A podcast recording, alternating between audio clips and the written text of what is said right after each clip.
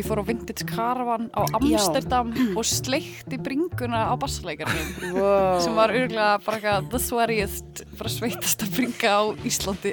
Anni, Anni, Anni, that's why we came here in the first place?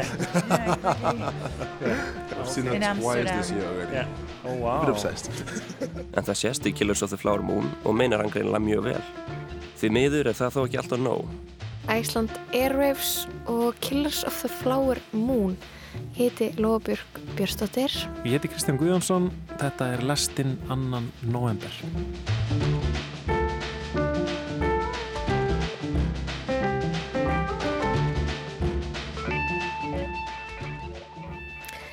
Undir lok þáttar rínum við í nýja kvikmynd Martin Scorsese Killers of the Flower Moon mynd sem fjallar um morð, svik ást og ólíu. Spennandi, Kolbjörn Rastrik eh, allar að fjallum þá mynd. En þátturinn fer um, að miklu leiti í uh, tónlistarháttina Iceland Airwaves sem að hefst formulega í dag, þryggjadaga tónlistarháttíð í miðborg Reykjavíkur. Við fáum til okkar uh, tvær tónlistakonur sem spila á háttíðin í ár. Þetta er þær Salka Valstóttir uh, úr hljónstinni Cyber og um, sem gengur líka undir listamannsnafnu Neon Me og um, hún líka er Reykjavík-dætrum hún er líka í Reykjavík-dætrum uh, og svo er það Brynhildur Kallstóttir úr hljóðastinni Kveikindi sem að, já, þær koma hérna og, og ræða um háttíðina almennt og, og sína svona reynslu af henni. En áður með heyru það þá ætlum við að byrja á því að kíkja nýri Kólaport þar sem að gestir eru byrjaðir að sækja armböndin sín, ég fór og sótti mitt armband rakstar meðal, meðal annars á Sindra Ástmarsson, dagsráþjóra háttíðarinnar og nokkra eh, gesti, erlenda gesti meðal annars dúskhúfu klæta Amerikana sem voru flestir frá Denver í Colorado. En enga tískublokkara? Ekki enn.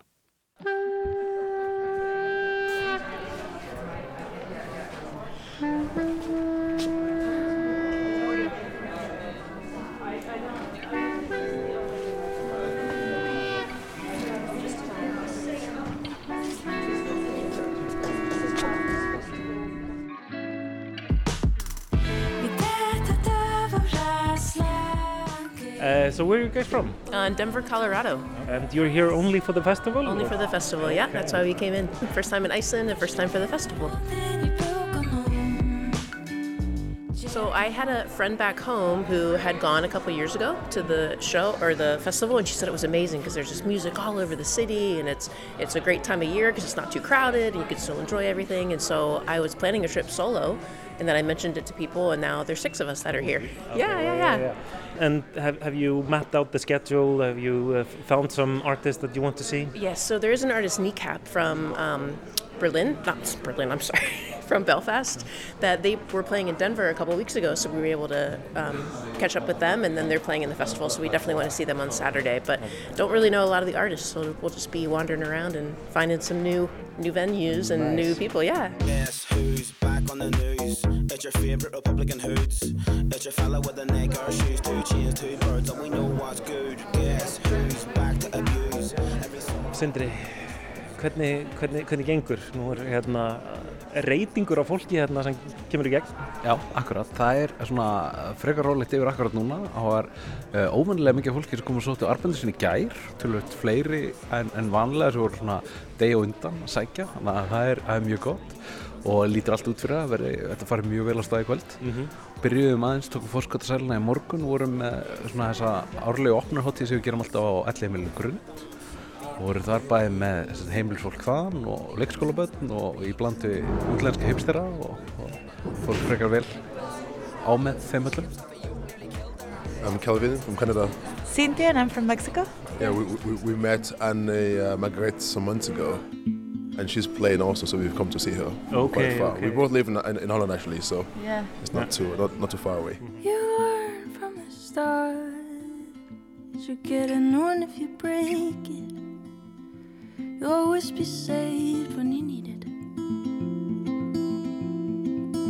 We were driving, actually, we've been here since a week. We've been in the, in the mountains, and so we've been listening to the soundtracks or the playlist anyway, and then picking people from that list. Okay, great. Yeah. So, so what, what's, what's the top of your list now?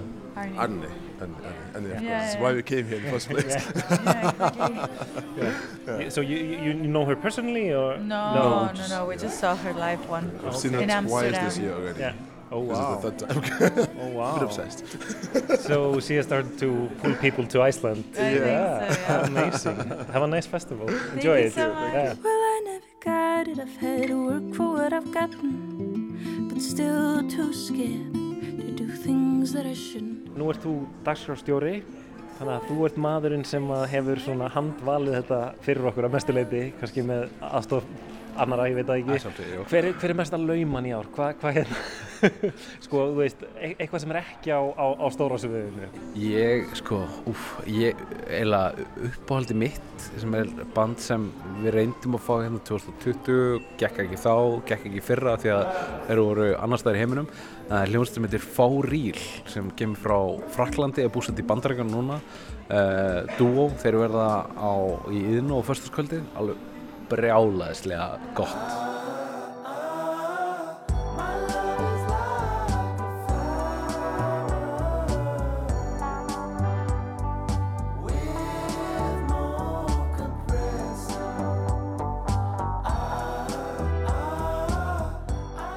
We are really excited to see Bombing Tiger tomorrow night. And then Don't know how to say it. there are some Icelandic artists that we are also Daddy thrilled to have something. discovered. And um, I don't even want to try to pronounce it. I'm so sorry. Daði Freyr.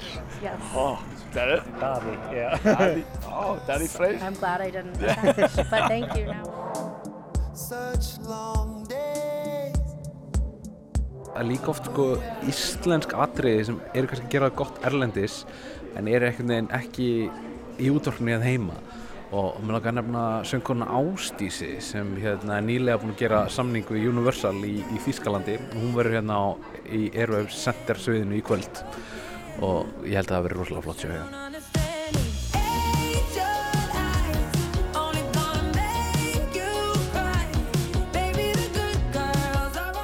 I'm uh, Chase Foster. I'm from uh, Denver, Colorado. Denver. I'm Ross from Pittsburgh. Are, are, are you part of the group, the, the six people group from Denver? Nope. No. Just, There's uh, probably going to be a lot of people from Denver here, I'd imagine. Really? Why? I, I don't know. You tell me. Good music. Good live Good music. music. Yeah. So, so you're here, here just for the festival, or? Uh, we we came over for the festival, but you know we went around and did the Golden Circle, and they're trying to get. We rented a car and drove around, so trying to kill two birds with one stone, you know. Yeah. So, so why, why did you decide to go to the airwaves? Like, it's a, it's a tiny festival. You can find a lot of uh, bigger festivals in, in the states.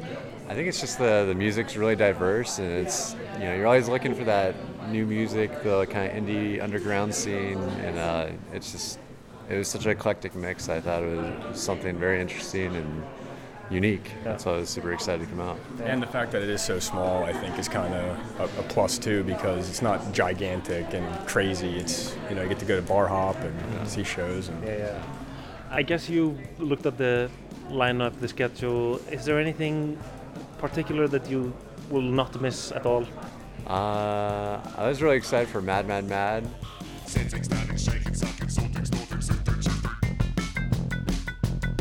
Uh, Daddy Freya, I can't say it right. um, yeah, Daddy Freya, and um, yeah, a bunch of them. There's a lot of those were the ones I was really excited about.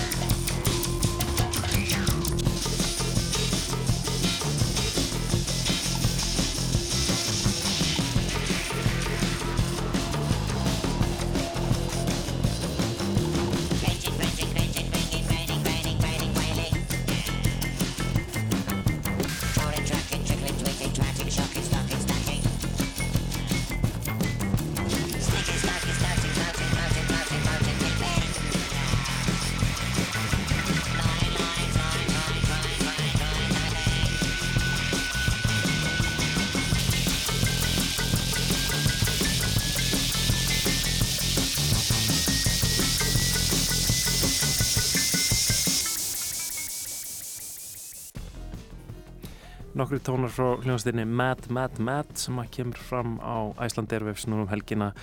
Já, þetta voru um, já, nokkur aðeinar sem ég rætti við um, flestir svona, eða sko, já, flestir sem ég rætti við uh, höfðu áhuga að sjá Daðafrey það var svona íslenska nafnið sem flesti nefndu. Það kemur ekki óvart, hann er orðin ótrúlega vinsæl Já, sérstaklega amerikanarnir sem að voru þarna uh, nokkrir frá Denver í Colorado uh, einhverju hópar sem, að, sem tengdist ekki með að það freka fyndið hérna, fólk verið að koma þaðan uh, en svo fannst mér líka mjög merkilegt þetta par sem að er búsið í Hollandi sem að um, er bara aðdáendur árnýjar Margreðar sá, sá að hana spila á tónleikum í Evrópu einhvern tíðan um, um daginn og, og ákvaði bara að koma á Iceland Airwaves til þess að sjá hana. Þannig að hún er farin að trekja að uh, bara al, alþjóðlega uh, gesti. Mm, Skendilegt um, Við ætlum að uh, fara næst að spjalla við er Brynildi Karastóttur og Sölku Valstóttur rivið hans upp kannski eitthvað gamlar airwaves minningar og kíkja aðeins, já, velta fyrir okkur dagskráni og hátíðin í ár.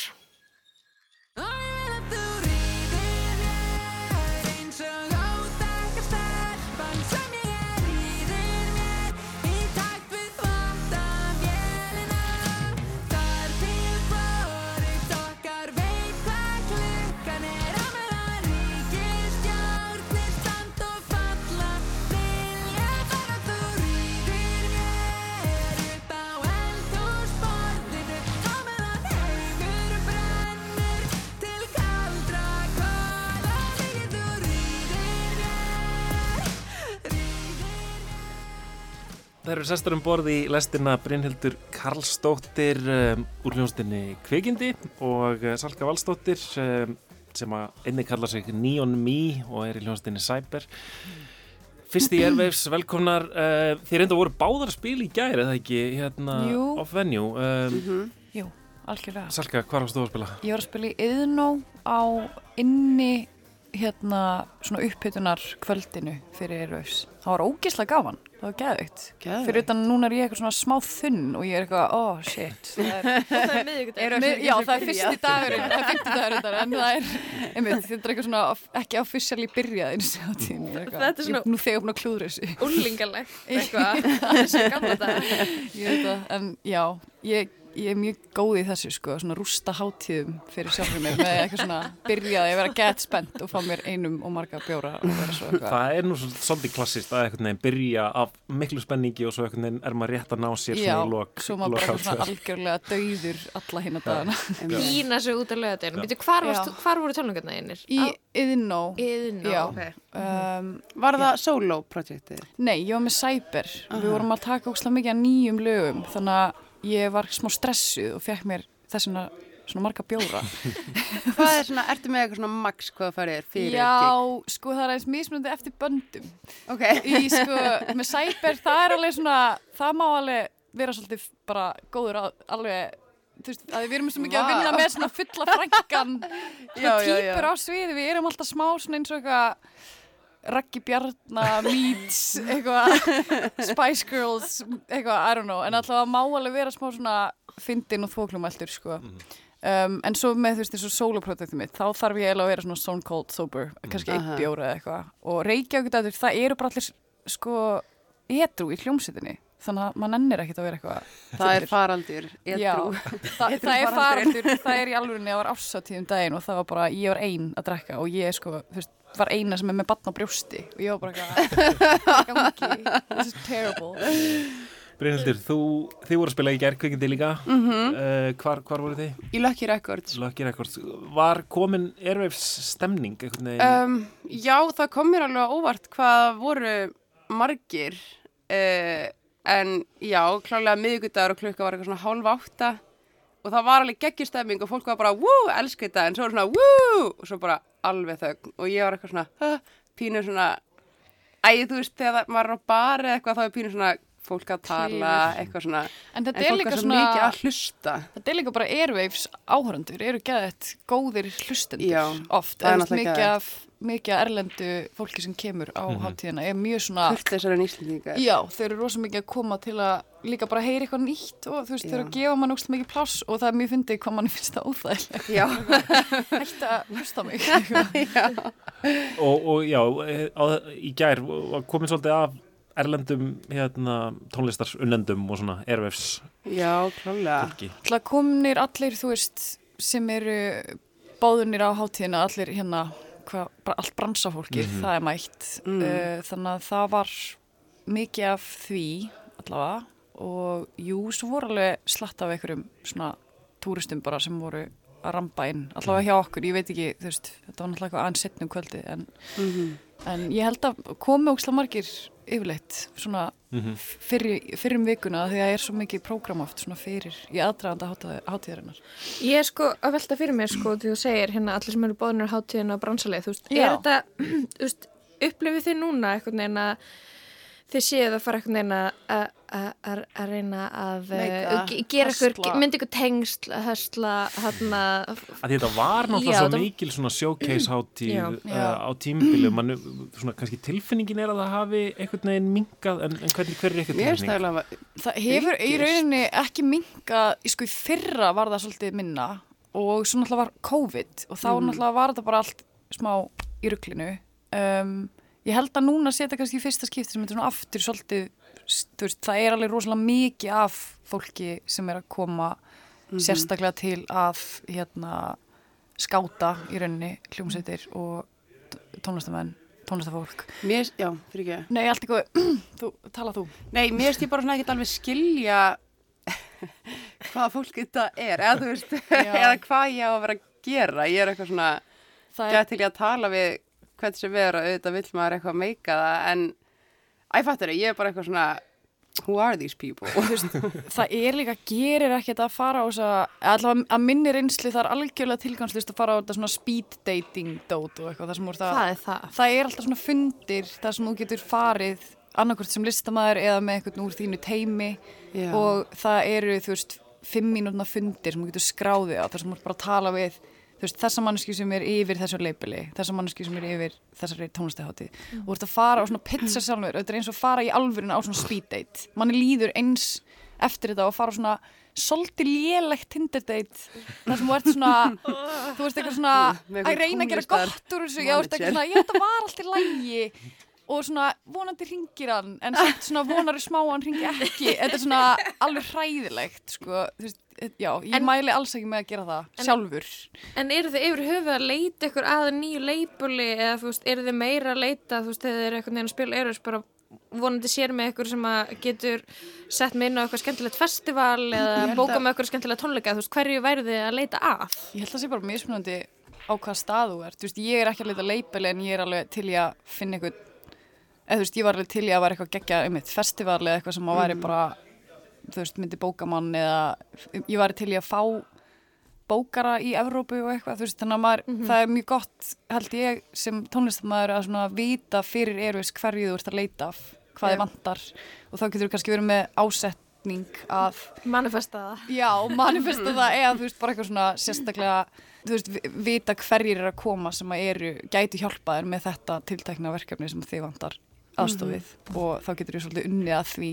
Og sérstaklega ert með eitthvað, eitthvað teimi eða eitthvað með þér það er langbest að hafa eitthvað sem þú getur svona sendt til að tala fyrir þína hönd af því að inn í tónlistabransunum þá vill enginn heyra beint í artistanum. Það er alltaf eitthvað svona, Mm. vilja allir bara tala við eitthvað sem að representar artistan eitthvað svona, þannig að En það er þægilegra. Vá, Ég er að læra fullt, sko. Ég, Nei, Já. veist- ég veit ekki, það er alltaf mín reist ég Ég- hef sko búið það til ég hef sko búið til fake management Já, e-mail ég hef reyndar þar sem heyrt ég hef- þetta. ég hef gert það, það sem ég bara sendi eitthvað svona á þú veist, promotera eitthvað fyrir gig, þú veist, sem er að spila erlendis og þar sem ég er eitthvað she will be needing this du, du, du, þú veist, að því það bara Já. allir taka henni klarfálegar eða þú veist, með eitthvað sem er að tala fyrir þína hönd þetta er eitthvað svona þetta er eitthvað svona konungsfólk svona Nice. lógík, ég veit ekki trúi sér alveg. Já, þetta er mega sens. Ég Já. heyrst þetta líka. Já, ég gert þetta ennþá.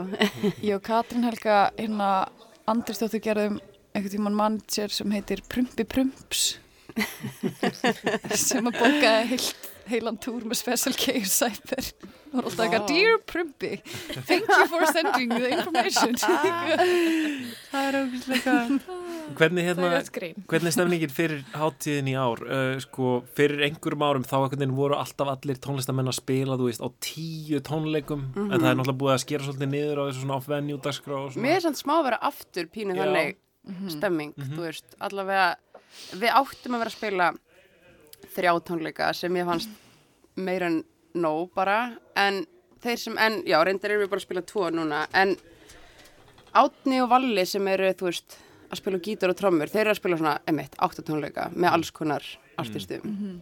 og það er algjör stemming, þú veist, þeir eru bara að hlaupa með hljóðfærin og eins og þetta var back in Mhm. the day, þú veist, ég veit ekki finnst, já, það er ógislega mikið á venue núna, aftur, Mhm. og bara, mér finnst það æði. Og svo náttúrulega eiginlega núna sko off- off-venue líka því að það eru, það eru bæði svona í rauninni já. sko tón, off-venue tónleikastaðir en, en svo Mhm. er náttúrulega fullt af öðrum tónleikum og, og hérna, en það er bara aðeins erfiðar að finna út hvað já, þeir eru. Hvað þeir eða, eru, sko. já, einmitt. Það, þetta er alveg bara mjög svipað að þetta var fyrir kannski, þú veist, fjórum, fimm árum eða eitthvað. Já. Mér finnst alveg ógeðslega mikið í gangi.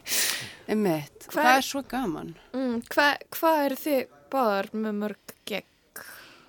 Ég er bara með tvö. Um, Ég Eða- er með sko fjögur en þú veist með þremur hljómsveitum eða þremur ólíkum verkefnum. Já. Þannig ég var að reyna að þú veist bóka ekki fimm gig fyrir eitt verkefni eitthvað því að þú veist ég gerði það í fyrra og ég var bara næstu búin að láta lífið þú veist Mhm. að þá var ég að spila líka með eitthvað þremur hljómsveitum og þú spila kannski þrjú eða fjögur gig með einu ein, einni hljómsveit. Já, það var mikið. Það, það var ómikið sko. Ná, náðu þið að sjá eitthvað sjálfur? Er eitthvað Já, sem ég þið, ætla ætlið að, ætlið að sjá? Er eitthvað Ég Nótreifar? efast um það. En aðalega því ég er bara ólétt og ég er svona, þarf bara að spara orkuna. Mhm. Eða mér finnst það mjög leðilegt að því að það er alveg margt sem að mér myndi finnast gaman að sjá. En svo hvað? Svo erfið. Ég er náttúrulega að elska cyber, obviously. Og mér langar líka að ég get. Það er rétt svar. Ég, sko, ég er að vinna svolítið með að skoða hvað er, þú veist, á undan mér og eftir mér, veist, Mhm. þannig að ég geti svona mögulega bara, æ, veist, bara svona þægilegast að mögulega path of least resistance. Já, já, já. En það er alltaf einn tónlistamæður sem er að spila eftir mér á föstudaginn, á morgun, sem heitir Anjimuli, held ég að, maður byrjaði þannig frá. Það, það er eitt af því sem ég hef svona notað hjá mér að Já, ég væri til í að ég sjá. er gett spennt að sjá hann hann er, hann er eftir mér, þú veist, á sama venjúi þannig ég var eitthvað, ok, geggja, ég get Nice. bara verið aðeins áfram og horta hann um, svo finnst mér úkslega spennandi þetta, þú veist, bæði grænlænska og færiska curationi í yðnú það er ógislega næs mikið, mikið af cool dóti Einmitt. Ég, er- ég er einmitt líka orðin svolítið peppaði fyrir því eftir sko pistlanennar Katrínar Helgu Ólafsdóttur hjá Já. okkur, hún er búin að vera með pistla um bæði færisku og grænlensku tónlistasennina Já. Geðveikir pistlar. Já. Þannig að, Salka, nú er pappi þinn uppi að passa bæði barnið þitt, svona þinn og líka dóttu þína Brynildur. Já.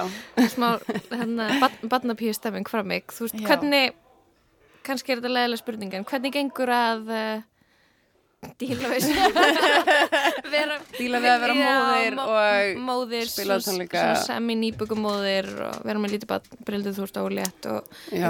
tónleikarnir og þú veist þetta gerist alltaf kvöldin og næturnar og það er mikið Mhm. félagslíf og það þarf að vera í stuði hvernig, hvernig gengur þetta? Sko, mér finnst þetta svona, þetta er bara annað svona rót, hljó, lí- nýtt hljóðfari í rótið að vera með lítið bann, maður bara svona bæta, það bætist bara svona þú veist, með eitthvað gítarcase og bílstól og hérna, en ja, ég er alltaf að vinna með það, ég er bara að teka hann með út um allt og eitthvað, fyrir með Mhm. hann í soundcheck með eitthvað hérna skjól Mhm. og það er bara stemming sko, það er bara úslega gaman en ymitt, mjög áhugaverð svona uh, veist, ég, ég held að þetta sé tíunda árið eða eitthvað sem ég er að spila á Airwaves og mér finnst þetta næstu gaman af því ég, þetta er svona gott nýtt challenge eitthvað, Mhm. býr til svona nýtt Ný áskorun. já, ný áskorun í eitthvað svona Airwaves vikuna. Þannig að mér finnst það mjög skemmtilegt sko, en algjörlega uh, maður þarf að vera útsjónasamur Mm Já, mér finnst það svona uh, einmitt svona auka kannski hugsana ferli mín stelpa er, þú veist, af, eða svona rúmlega einsárs, þannig að það er svona aðeins meira vesen að taka hana með, hún er svona hlaupand út um allt típa, þannig að það er svona retta einhverjum til þess að passa og svona dururu. og svona tíminn sem að uh, ég fílaði mjög mikið að hafa áður þar sem var að svona undibúa sig, kannski aðeins að senna sig jáfnvel eitthvað svona hita eins upp. Eitthvað, hann er svona eiginlega ekki til staðar eða þú veist, eitthvað svona aðeins kannski bara í sturtu eða eitthvað. En já, en þú veist ég get alveg tekið undir það sem Salkir að segja bara þetta er svona öðruvísi. Við erum stressaðari og þreyttari. Já. Og líður verð en samt með svona mjög full, svona fullnæðar eða hvað, svona fulfyllt. Já, algjörlega. Allt saman mjög, mjög satt. Mhm.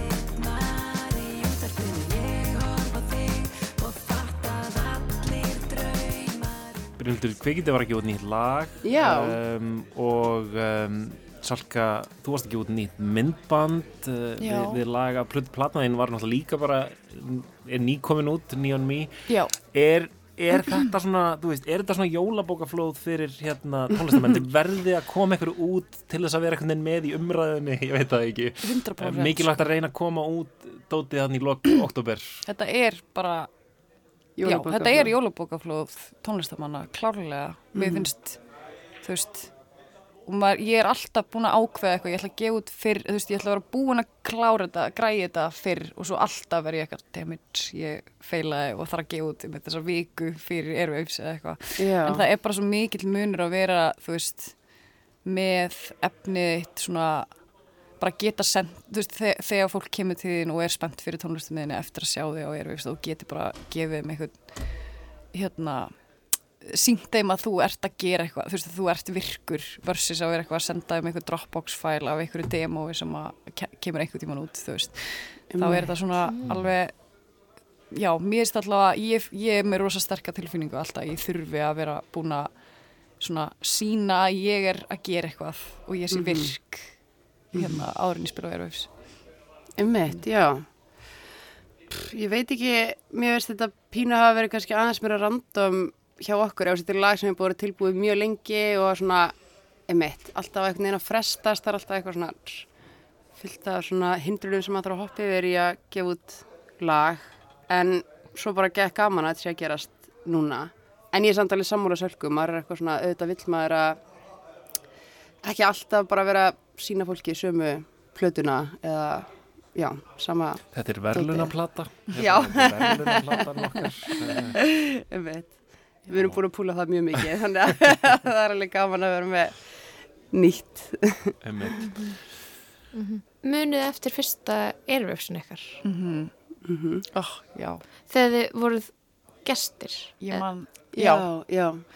Ég var sko, ég var að hugsa um þetta daginn eitthvað skemmtilegasta Airwaves sem ég farið á er, þú veist, áður en ég byrjaði að spila á Airwaves, það var svo gaman að vera bara að fara og maður fór á svo marga tónleika Já, og ég fó bara á, þú veist Hvað ár fórst þú? 2011 þá var ég 16 ára 2012. það var sko geðveikt, ó það var svo gaman. Og ég var eitthvað svona 16 ára bus í MH og Mhm. allir í MH fóru á Airwaves á þessum tíma. Þannig að þú veist, þú varst einhvern veginn allir eitthvað ólegu, ekki með aldur til að fara inn eitthvað með Hvernig rættuðu ykkur arbandi 16 ára? Ég held sko ég hafi unnið það í einhverjum leik í MH og, það, og sem var geggjað því ég fekk eitthvað svona af því þetta var svona vinnings hérna þá fekk ég sko artista passa þannig ég var alltaf að ljúa öllum að ég væri artisti allir túristunum eitthvað ég am an artist eitthvað svona uh, og ég Manifesta. Já manifesta um og, og mér sé að Cyber var sko stopnað af því að það, við stopnum bara Cyber til að fá frí að passa á Airwaves. Þannig að ég, þetta hérna, er einmitt, eitthvað long running dæmi. En ég sko ég, já það var geðveikt, það var hérna subtract var að spila og ég var gett skotin í einum strák og við fórum í sleik á subtract. Og það var sko geggjað. Ég er svo mikla nostalgíu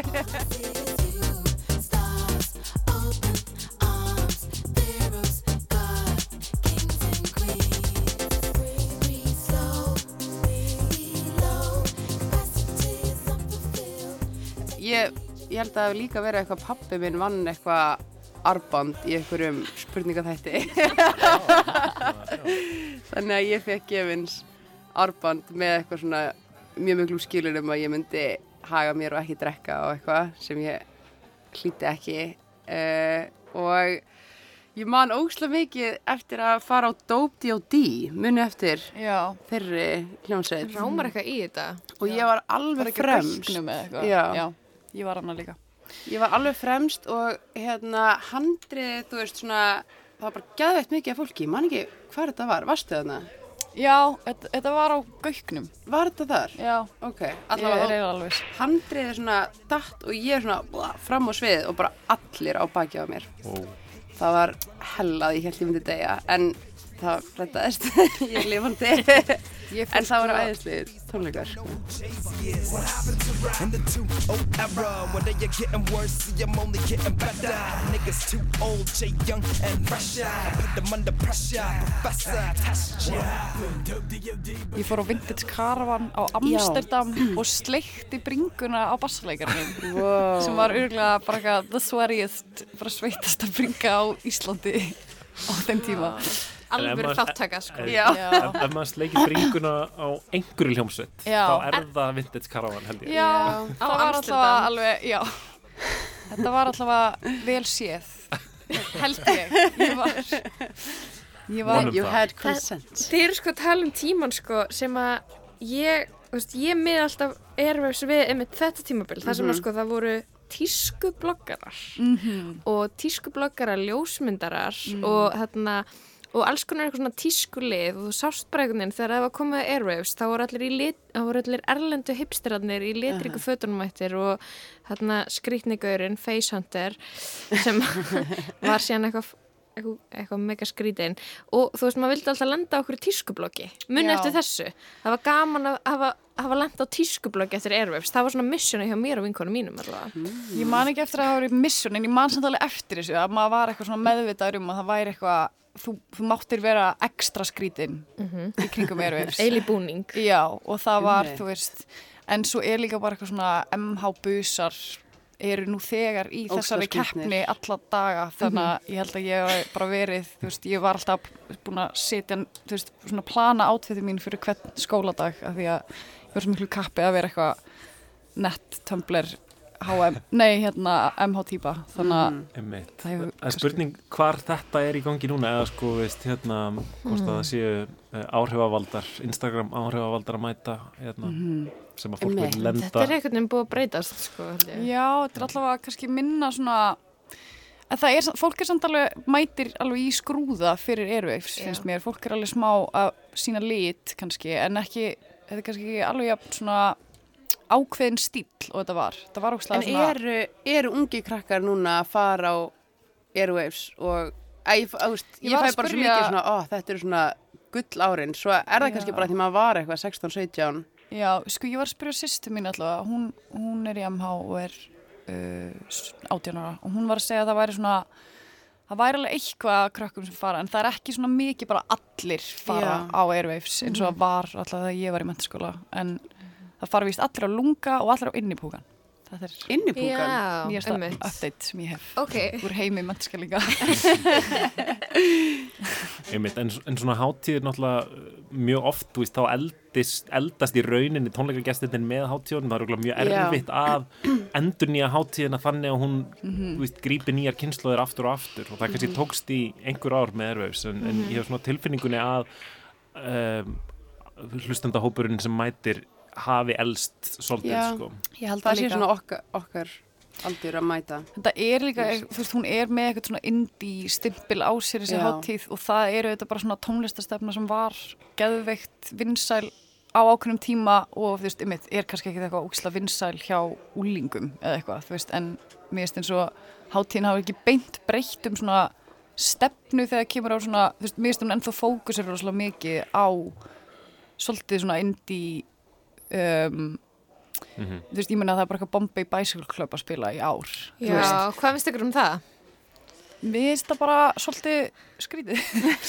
Eða þú veist, ég, No allt, allt er lægi en bara mér finnst, já, stundum eins og kannski Airwaves sé st- að halda í einhverja svona drauga pínu að einhverju leiti þó að, þú veist, svo finnst mér samt ótrúlega margt líka í einhverju grassrót sem er mjög spennandi en ég myndi bara vilja að það fengi meira pláss og það verða svona smá svona, svona má aðeins flokka bruslið. Kannski, þú veist, það er náttúrulega uh, aðeins kannski áhersla á að einmitt selja eða svona, veist, selja arbönd að þetta sé einhvern veginn pínu svona sölu vænt á meðan maður upplýði kannski að þetta væri meira maður var bara að sjá gæðt mikið af skrýtnum böndum sem maður sá kannski aldrei aftur bara á einhverjum bar einhver staðar Ég held að þetta snúist líka um að einmitt halda í þennan hlustendahóp í staðin fyrir að einmitt, þú veist, endur nýja og finna nýjan vinkil á þetta og kannski, þú veist, Mm. fara okkur að nýjar Reyna að láta alla krakkarni MH vilja koma. Já, af því það er svo gaman, þú veist, ég held að það sé, ég held að það væri úrslega skemmtilegt að reyna svona um, finna einhvern aðeins svona nýjan vinkil á Mhm. hátíðina Einmitt. en á sama tíma finnst mér sko ógislega mikið spennandi til dæmis í ár, ógislega mikið af góðum bókunum en þú veist, mjög oft er eitthvað svona mest spennandi artistanir ekki á stærstu venjúnum eða ekki að fá allavega, þú veist, jafn mikið rými og eitthvað eins og Bombay Bicycle Club eða eitthvað sem mér finnst ekki endilega neitt rosa relevant núna Mhm. um, þannig að ég held að það væri spennandi ef hátíð myndi eitthvað svona stefnaði að kannski verða aftur svona um, vinsal hjá ungu fólki um, Einmitt. Um, sjáum til hva, hvað gerist, hvern, hvernig það þráast hérna, og hvernig háttíðin verður uh, í ár. Ég, ég verð að segja að í fyrra var ég einhvern veginn ekkit mjög spenntið fyrir henni en svo einhvern veginn þegar ég var mættur og, og Mhm. háttíðin byrjaði Já. þá einhvern veginn var hún eiginlega frábær sko. Það er bara svo gaman að hlusta tónlist og alls konar mismunandi það er líka bara svo gaman hvað þetta gerir mikið fyrir þú veist það er svo gaman að lappa neyri í bæ og það eru bara Mhm. tónleikar allstaðar og fólk eitthvað á Mhm. hlaupi með hljóðfærin sín og er veist, þetta er svo, eru við svona í loftinu alltaf sem er geggjað Mhm. Við ætlum að fylgjast með Erfus í ár. Uh, Daví Róts og K. Óla ætla að fara á tónleika og, og skrifa um það í lestina. Yeah. Stelpur, Salka og Brynildur, þakka ykkur kærlega fyrir komuna í lestina. Gleðilega Erfus helgi, skemmtu ykkur vel. Takk. Gangi ykkur vel. ég er búin að klúðra þessu sko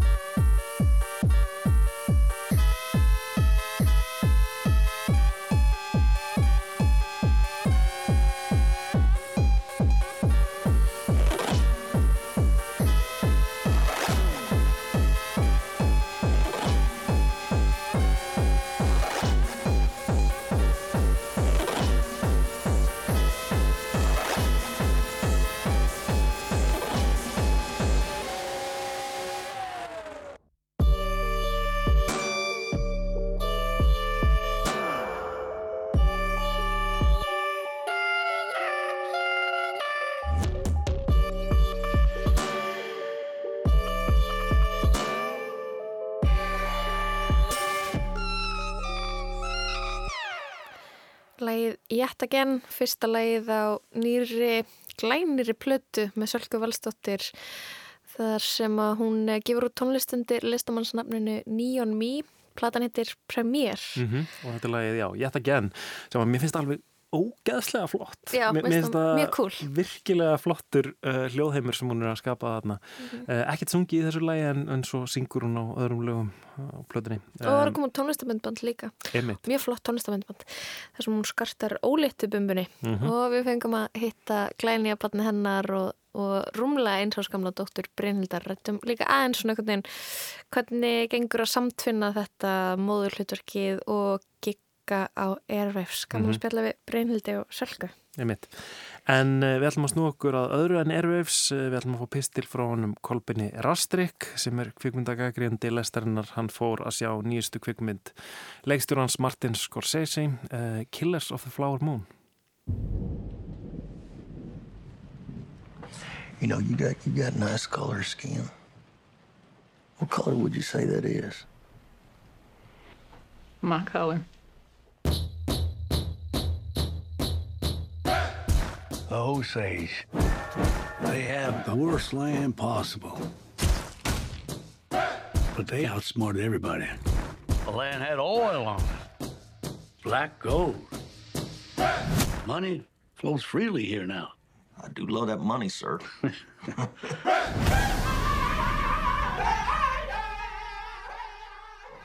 Killers of the Flower Moon er nýjasta mynd stórleikstjórans Martin Scorsese og byggir myndin á samnemndri bók David Grann.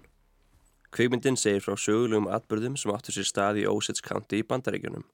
Snemma á 2000-öldinni finna meðlemið Osage frumbyggja þjóðarinnar olju á landinu sínu sem gerir þau moldrík þannig séð á einni nóttu en hver einstaklingur þjóðarinnar far hlut í sölu á oljunni. Vertu þó að taka fram að samkvæmt bandarískum samtímalögum voru meðlemið Osage þjóðarinnar þó ekki fjárráða. Ríkið útnemdi sérstakka fjárhaldsmenn sem stjórnuðu og útlutuðu hverjum Osage þjóðarmeðlemi peningana sína eftir því hvort ástæða þótti til. When this money started coming, we should have known it came with something else. Myndin fylgir mannunum Ernest Burkhardt eftir sem leikin er á Leonardo DiCaprio og er þetta í sjötta skiptið sem Scorsese og DiCaprio vinna saman. Burkhardt flytur inn til frænda síns, William King Hale, leikin á Robert De Niro, sem býr á friðlandi Óseits þjóðarinnar og byrja þeirra að rotta sig saman um hvernig þeir geti eignast höfuður rétt Óseits þjóðarinnar á ólíunni. Hale hvetur Burkhardt til þess að stíga í vangin við Óseits konuna Molly Kyle, leikna á Lily Gladstone, sem sjálf er komin af fyrstu þjóðum Ameríku og ólst upp á friðlandi Blackfeet þjóðarinnar. Burkhardt giftist Molly og hefst á útrýmingarferðli skipulagt af Hale og Burkhardt þar sem að fjölskyldumælu með Molly er komið fyrir Katanef. Morðin og einfallega svo staðrind hversu margir meðlimir ósits þjóðarinnar voru myrtir á friðlandinu verður til þess að ríkistjórnbandaríkjana á hver að grýpa inn í. Atbyrðurinn er þar að leiðandi einnig eina fyrstu morðrannsóknum allríkir lauruglu bandaríkjana.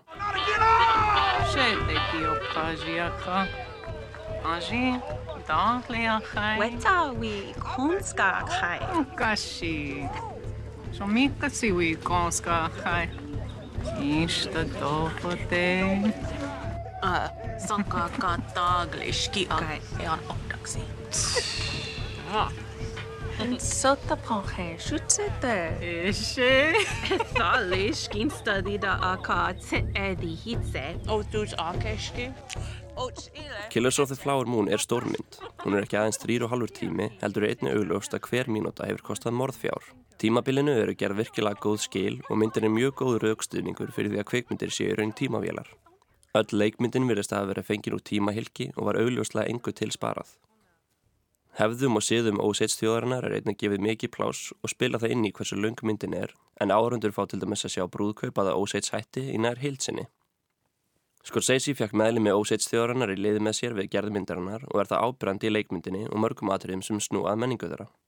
Scorsese sem er batnabatn ítalskra innflytjenda stopnaði árið 1990 á samt öðrum Hollywood-leiksturum samtökin The Film Foundation sem varðveita og veita áður lítið þekktum myndum frá öllum heimsóttum aðtekli. Árið 2007 stopnaði hann svo World Cinema Project sem hefur svipið markmið. Er því auglust að Scorsese brennu fyrir því að þjóðir geti haldið menningu sinna á lífi í gegnum kvikmyndir en það sést í Killers of the Flower Moon og meinar hann greinlega mjög vel. Því miður er það þó ekki alltaf nóg. Í grunninn er Killers of the Flower Moon klassísk Scorsese klæpamynd. Við fylgjumst með plani frændan í bíkerð, hvernig þeir komaði í kringa það hættnist og svo á lokum hvernig það springur í andlitað þeim. Samband þeirra tveggja er virkilega áhugavert og tókstrita börkart á milli hotlustu við frænda sinn og konu sinnar og fjölskyldu virkar mjög vel sem bakgrunnur glæpasögunar. Það er skemmtanagildi í því að fylgjast með þessum vanhæfi og siðlösu mönnum reyna að svindla og drepa í hagnaðaskinni. Scorsese er þull reyndur í kveikmyndagerðum karla í glæpaheimum sem svíkja og pretta annan og skjóta mann og annan. Vandamálið er þó viðfangsefni myndarinnar. Killers of the Flower Moon er um sögulega atbyrði og fórnalömp aðalpersonuna eru ekki aðrir skáldæðir glæpamenn heldur alvöru fólk sem á ennþá ættingi á lífi. Viðfangsefnið krefst nærgetni en myndin döttur oft í far klassískra reyfara. Menninir eru þó engan hátt síndir í ákvæða ljósi, þeir eru rasískir, gráðugir og tækifæri sinna er heiklar en samt sem áður er spurning hversu mikið af sviðsilösunu þeir hafi átt að eiga í þessari sögu. Þetta er eflaust sögum þess að sagan er ekki skálduð heldur byggð á samtíma heimildum. Í bókum sínum notast David Grann við mikið af skrifilegum heimildum sem hafa varðveist og eru þessar heimildir undirstaðan af bókinni og þar að leiðandi myndinni. Þar leikur þó hundurinn grafin þar sem að varðveittar skriflegar heimildir í bandarækjunum eru auðvitað ábrendi frekar skrif kvítra bandarækjumanna.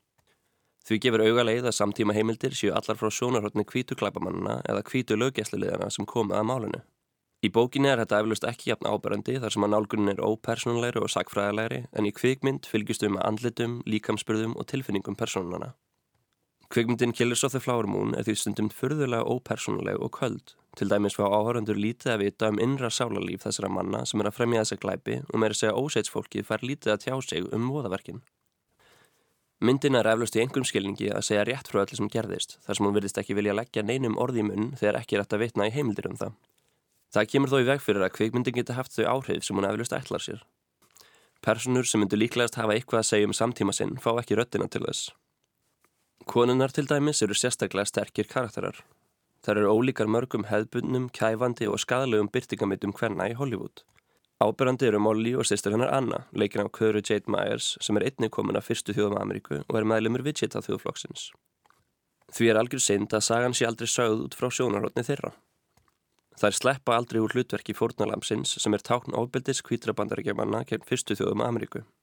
Lily Gladstone fer þó með leiksigur í myndinni sem Molly og þrátt fyrir að vera fámæl, tekstinni sem leikonu er komið til skila þeim yfir þyrmandi tilfinningum sem hún upplifir innan sögunar. Þó að heimildunar láti lítið uppi um hvað hinn sögulega Molly hugsaði og upplifiði, tekst Lily Gladstone að láta orðaleysi sitt verðað ærandi þögn í hafi orða kvítu heimildana. Killers of the Flower Moon tekst þó vel að sína hversu rótgróin og lúmskur rasismi þessara manna er. Engin rannsókn á morðunum á sér stað þó tugir óseitsfólks líki í valnum. Það er ekki fyrir að meðlemið óseitstugaranar ferðast til Washington DC sem kostar þau formúur til þess að krefjast þess að morðin séu rannsökuð að eitthvað er gert í málunu. Myndin sínir þar að leiðandi hvernig vandamálið er ekki aðeins verknaður einstakra manna heldur kerfisbundið. Aðal personursögunar og hegðun þeirra er þó engan veginn afsökuð og það er áhugaverð tilbreyting að fylgjast með söguhetju sem áhörundur eiga ekki að halda með. DiCaprio leikur Burkhardt sem fráhrindandi auðmingja með takmarka gafnafar frekar hann að halda einhverju glæbuna kúli. Þetta er tilbreyting frá öðru myndum Scorsese sem fjallaf margar um menn sem gera vonda hluti því þar fá personur ofta að vera aðlaðandi og áhörundur eiga að halda með þeim. Killers of the Flower Moon er nokkuð vel hefnið, upp að vissumarki skemmtileg og það er margt sem henni tekst að gera vel. Því miður fer hún aldrei á fullt flug og er það synd því þessi saga er þess virðið að segja. Nálgunskur segi sér of ópersonleg og fjarlag til þess að geta gert henni full skil en það er full ástæða til þess að glæðjast yfir því að hann hefði valið þessa sögu. Vonund er þetta þó aðeins eitt skref að því að meðlimir fyrstu þjóða Ameríku geti sagt sínar eigin sögur og sínum eigin fórsendum.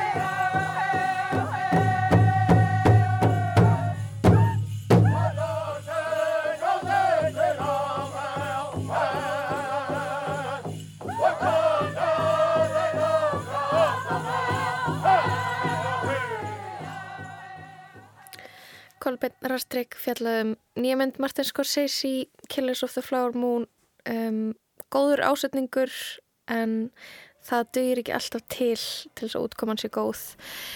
Já. Löngmynd. Mhm. Löngmynd. Um, en já, um, við erum farin í Æsland Airwaves helgarfrí, uh, verðum með náttúr á saman tíma á mánudag. Tæknumæður var Lítiða Gretastóttir við Kristján Ló, Kristján Lóa. Takk fyrir okkur. Verðið sæl. thank you